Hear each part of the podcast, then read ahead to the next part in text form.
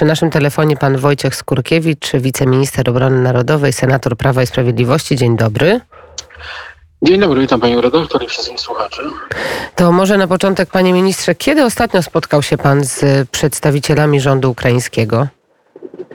No my jesteśmy e, bardziej w kontakcie z ambasadorem czy atasze tutaj w Polsce.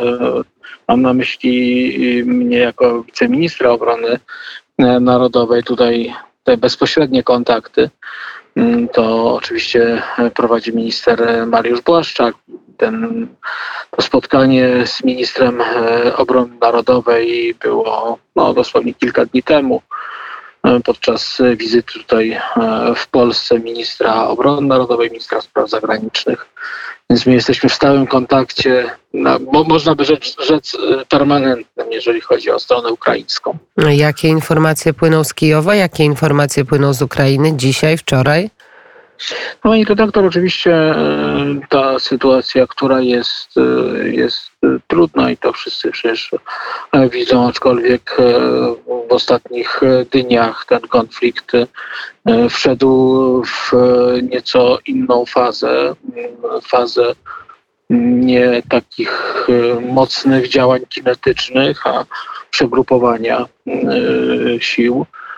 I tutaj czekamy na to, co będzie y, y, dalej, bo przecież zdajemy sobie sprawę, że taka sytuacja y, zbyt długo trwać nie może, to po pierwsze. Po drugie, oczywiście wszyscy zabiegamy o utworzenie korytarzy humanitarnych, bo to jest rzecz szczególnie ważna tak, żeby wesprzeć i pomóc ludności cywilnej, bo, bo dziś no, niestety najbardziej cierpi właśnie ludność cywilna i to jest wyzwanie i to jest y, rzecz szczególnie ważna. Tak, to jest y, rzecz najważniejsza. Powiedział pan y, minister o przegrupowaniu, czyli to są informacje sprawdzone, to są informacje potwierdzone i to przegrupowanie, rozumiem, trwa. Czego możemy się spodziewać, jeżeli chodzi, jak już to przegrupowanie się dokona? To oczywiście pani redaktor e, tutaj e, nie wydaje się, żeby to te działania się na Ukrainie szybko zakończyły. Zresztą widać to e, po tych spotkaniach, próbach rozmów, negocjacji. I tutaj, tak jak wielu ekspertów podkreśla, zresztą nawet prezydent Stanów Zjednoczonych na to wskazywał, że ten konflikt ukraiński e, może e, trwać długi czas, nawet latami. No i dochodzimy, wywołał pan e, postać Joe Bidena, prezydenta Stanów Zjednoczonych. Wiemy, zapowiadał pan, że Andrzej Duda będzie podczas spotkania tego prezydentem Stanów Zjednoczonych, Joe Bidenem, będzie zabiegał o stałą bazę NATO w Polsce. Taka deklaracja nie padła. Jest pan rozczarowany?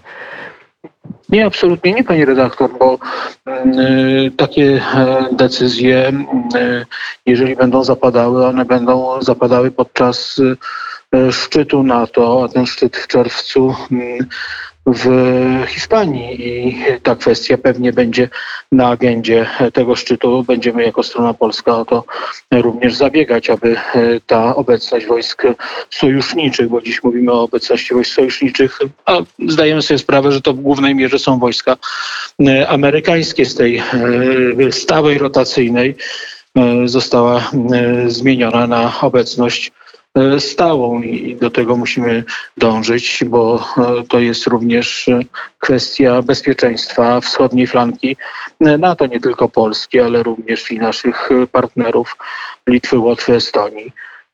To jest rzecz absolutnie kluczowa i na to będziemy stawiać. 29-30 czerwca dokładnie tak. W Madrycie odbędzie się szczyt NATO. Powiedział pan, że Polska będzie o to zabiegać. Rozumiem, że te, ta decyzja mm, jest najbardziej kluczowa, najbardziej istotna i, i możemy się raczej tego spodziewać podczas tego szczytu, panie ministrze? Ten temat już został wywołany podczas e, tego nadzwyczajnego e, szczytu, który odbywał się w Brukseli. I, i to jest rzecz, która mm, no, będzie nas determinowała w najbliższych czasie, czy w tej chwili i w najbliższym czasie. To decyzją, decyzją Jensa Stoltenberga, ta mm, dyskusja na ten temat została odłożona do szczytu NATO w Hiszpanii, więc to jest cały czas sprawa otwarta. Żeby taka stała mm, baza, żeby to e, obecność była cały czas na wschodniej flance NATO, rozumiem, potrzeba jest zgoda wszystkich członków NATO. Kto ma największy wpływ? Oczywiście oprócz Stanów Zjednoczonych. Mm, jak wygląda procedura, żeby coś takiego zaistniało? Pani redaktor, przede wszystkim musi być wola e, te, tego typu działania, bo warto pamiętać o tym, że dzisiaj zaangażowanie wojsk sojuszniczych, szczególnie wojsk amerykańskich, jeżeli chodzi o Polskę, jeżeli chodzi o wschodnią flankę NATO, jest wymierny i znaczący, bo dzisiaj żołnierze sojusznicy, sojusznicze siły e, są w formule IFP w Polsce i oni stacjonują na, e, w północno-wschodniej części kraju. Żołnierze amerykańscy są również w różnych formułach, między innymi APCT na Drawsku Pomorskim i również w innych dyslokacjach. Przypomnę, że staraniem e, strony polskiej prezydenta Andrzeja Dudy, ministra Mariusza Błaszczaka, w Polsce mamy dziś wysunięte dowództwo piątego Korpusu, e, które to, to dowództwo zarządza wszystkimi siłami e, amerykańskimi na wschodniej flance NATO. My dzisiaj prowadzimy bardzo intensywnie, intensywne działania E, inwestycyjne, infrastrukturalne na potrzeby wojsk e, amerykańskich, specjalne magazyny na okoliczność rozwinięcia w przyszłości potencjału e, sił amerykańskich w Polsce. Amerykanie są również w różnych dyslokacjach na zachodzie kraju. To mam tutaj na, na myśli tych, którzy są obecni w Polsce w ramach porozumienia bilateralnego. Tak, powiedział pan ale dzisiaj, tak. ale jeszcze tylko dodam, ale mhm. dzisiaj tych żołnierzy amerykańskich jest zdecydowanie więcej. Nie 5 tysięcy 10 tysięcy do tak, tej pory, tylko dzisiaj mamy, tylko dzisiaj mamy ponad 10 tysięcy żołnierzy amerykańskich, którzy są również i e, na wschodzie Rzeczpospolitej. Oczywiście to jest ta zwiększona obecność jest doraźna i związana z konfliktem ukraińskim, ale tego absolutnie Czyli rozumiem, jeszcze raz wrócę do, do, do stałej obecności e, baz NATO. Rozumiem, że tu musi być jednogłośność, panie ministrze. Znaczy, to, to, to jest decyzja Sojuszu Północnoatlantyckiego i decyzja strony amerykańskiej. I, i to tyle. No. Ja rozumiem, że y, wola jest, tylko musi to mieć wymiar już konkretnych decyzji. Czekamy na ten szczyt. W takim razie na szczyt w Madrycie, na, tej, na to wzmocnienie wschodniej flanki NATO, bo ona jest bardzo istotna. Skoro rozmawiamy o NATO, to e, jak wygląda ten pomysł i jak pan się odniesie też do słów e, Wołodymyra Zełęńskiego, który mm, w rozmowie z rosyjskimi dziennikarzami mówił o e, misji pokojowej NATO lub innej organizacji międzynarodowej w Ukrainie, e, o której mówił podczas spotkania Jarosław e, Kaczyński. Jaka jest przyszłość takiej misji? Czy już to jest pomysł zażegnany, czy jednak możemy o tym jeszcze w ogóle rozmawiać? Pani redaktor, każda inicjatywa, która będzie dążyła do zażegnania E, konfliktu, e, zakończenia konfliktu, e, a tym samym do tego, aby nie ginęli niewinni ludzie, aby nie ginęły dzieci, aby nie zabijano cywilów, jest rzeczą pożądaną i rzeczą ważną. Być może taka misja dziś jest niemożliwa, ale takiej sytuacji absolutnie nie można wykluczyć za miesiąc, za kilka miesięcy, a może za, za, za rok. I, I tutaj co do tego nie ma nikt wątpliwości.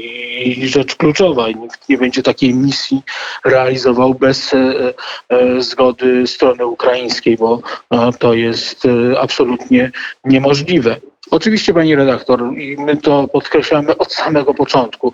Optymalnym rozwiązaniem byłoby, gdyby y, taka misja była realizowana pod auspicjami Organizacji Narodów Zjednoczonych, ale zdajemy sobie sprawę, że w dzisiejszym układzie sił e, w ONZ jest to niemożliwe, bo Rosja jest członkiem Rady Bezpieczeństwa ONZ i każdą taką inicjatywę będzie torpedowała a w tym przypadku wymagana jest jednomyślność e, Rady Bezpieczeństwa, więc tutaj jest sytuacja bardzo skomplikowana, ale ja jeszcze raz powtórzę.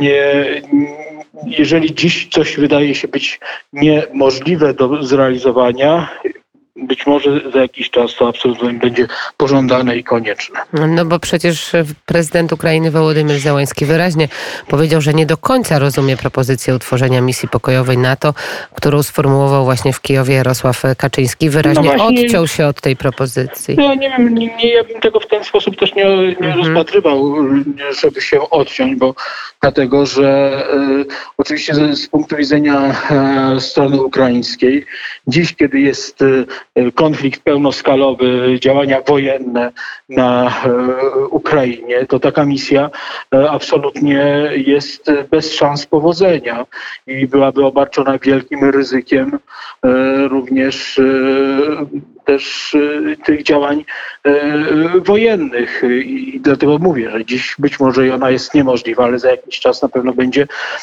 konieczna albo będzie musiała się odbywać, więc Pani redaktor, tutaj pamiętajmy o tym, że życie jest tak dynamiczne i to, co się dzieje, jest tak e, zmienne, że może się okazać, że już wkrótce taka misja będzie niezbędna. Proszę zauważyć e, sytuację chociażby na Bałkanach po byłej Jugosławii. Tam po dzień dzisiejszy jest misja stabilizacyjna, która e, ma formułę misji rozjemczej i, i w nią zaangażowanych jest wiele krajów.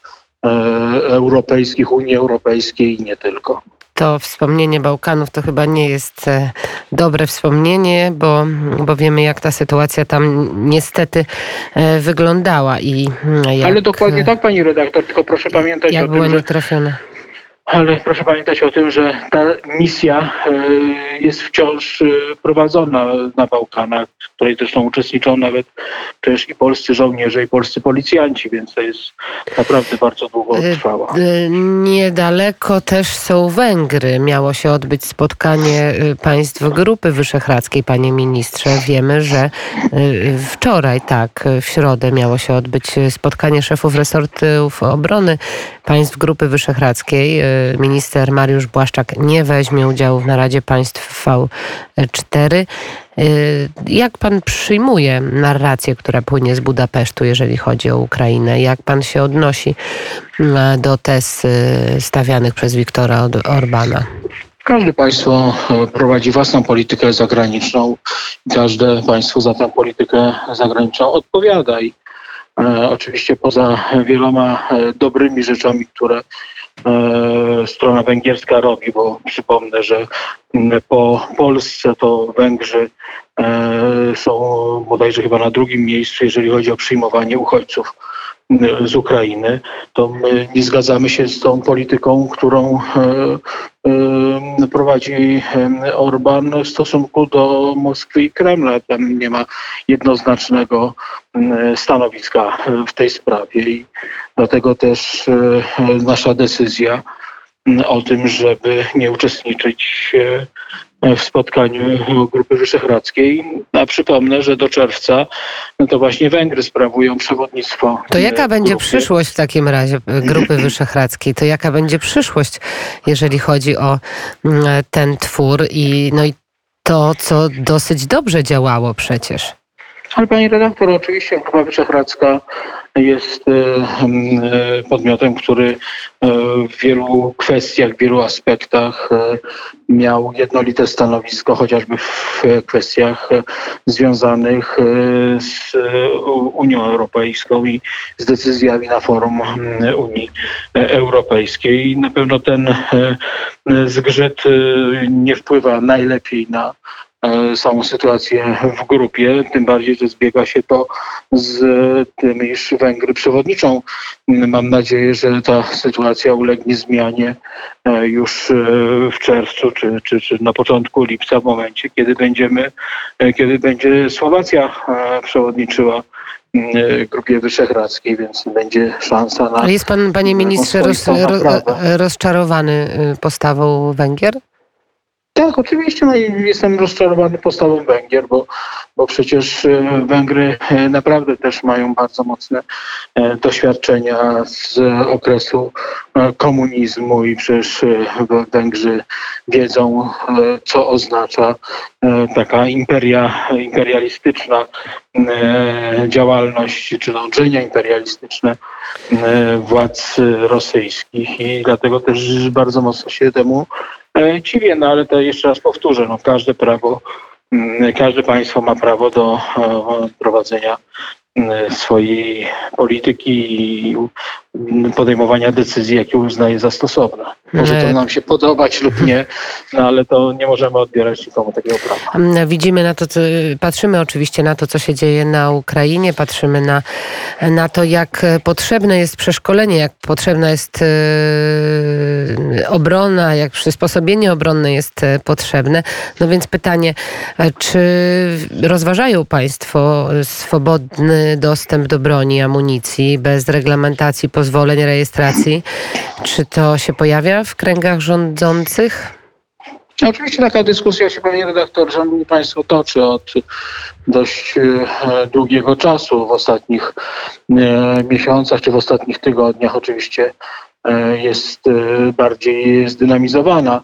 E, tutaj e, w tym obszarze kluczowe jest stanowisko Ministerstwa Spraw Wewnętrznych i Administracji, bo to jest właśnie to ministerstwo, które jest no i jakie odpowiedzialne. Z naszej strony, z naszej strony, z naszej strony, panie redaktor, no jest wiele środowisk, które oczekuje liberalizacji e, tych przepisów. My z naszej strony, jako Ministerstwo Obrony Narodowej, robimy wiele, żeby przede wszystkim to przenieść na poziom edukacyjny. Raz, dwa. Rozwój organizacji proobronnych, paramilitarnych. Mam nadzieję, że też e, nasz program, który ulegał w ostatnim czasie olbrzymim modyfikacjom, mam na myśli powiat, e, program Strzelnica w powiecie, który no, nie spotykał się zbyt wielkim zainteresowaniem ze strony samorządów. My bardzo mocno go zmodyfikowaliśmy, wprowadzając. E, Czyli na razie, na razie takich e, planów nie ma.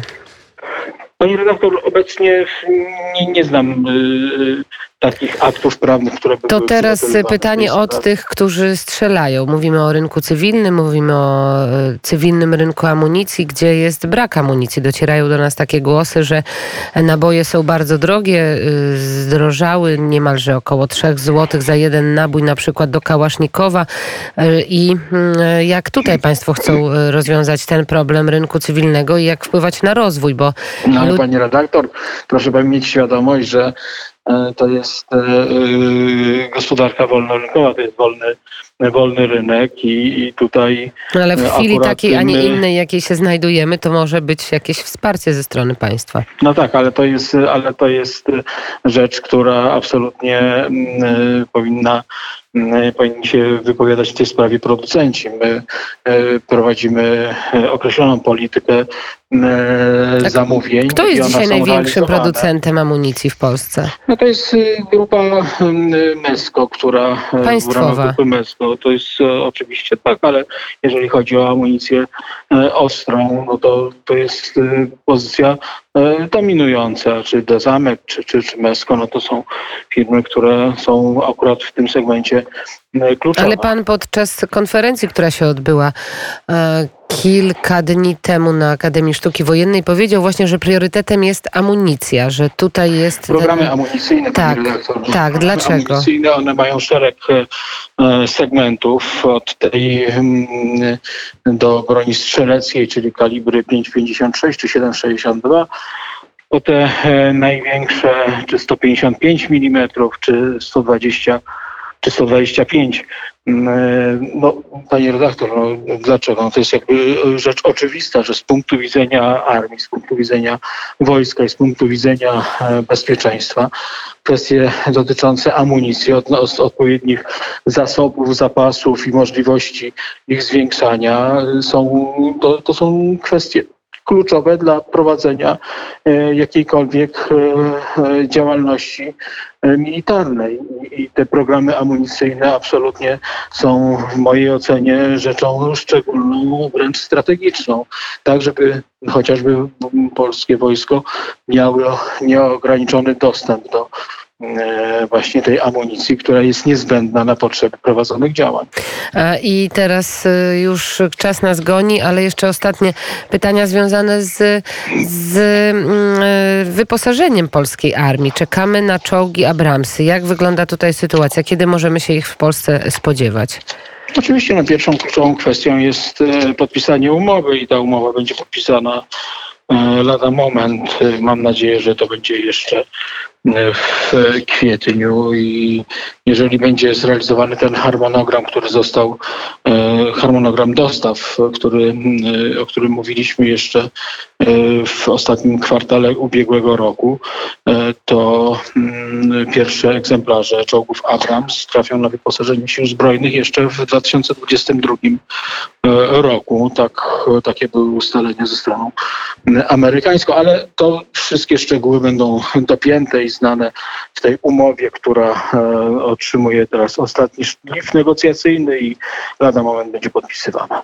A jeszcze chodzi o amunicję, bo tutaj też po, pojawiają się takie głosy może bardziej e, niezrozumienia, dlaczego, dlaczego ta amunicja właśnie do polskich Abramsów to jest KEF A1, dlaczego to nie jest ta inna, nowsza generacja, e, jeżeli chodzi właśnie o, o te czołgi.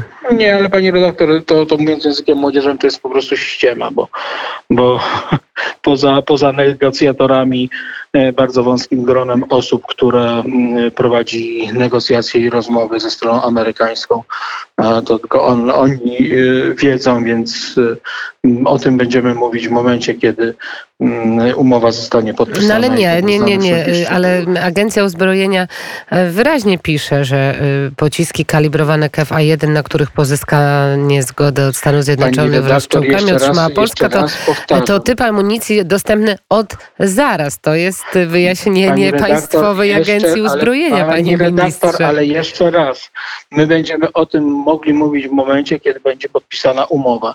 Dlatego to które pociski tym, w takim razie wchodzą tym, w grę? To niech pan powie, które redaktor, są rozważane w takim razie. Redaktor, to o tym wszystkim będziemy mówić w momencie, kiedy podpiszemy umowę. My dzisiaj nie, nie dyskutujemy na forum publicznym. Zresztą ja też e, prosiłem e, posłów z Sejmowej Komisji Obrony Narodowej, aby ta dyskusja, bo to ta dyskusja miała się odbyć kilka dni temu na forum Komisji Obrony Narodowej. Ja ich prosiłem i przewodniczącego Michała Jacha, żeby ta dyskusja odbyła się w momencie, kiedy ustawa, czy umowa zostanie podpisana, bo negocjowanie przy otwartej kurtynie, a szczególnie przy również różnych głosach z prawa i z lewa, jakie pociski, jakie co, jaka, jaka amunicja nie służy.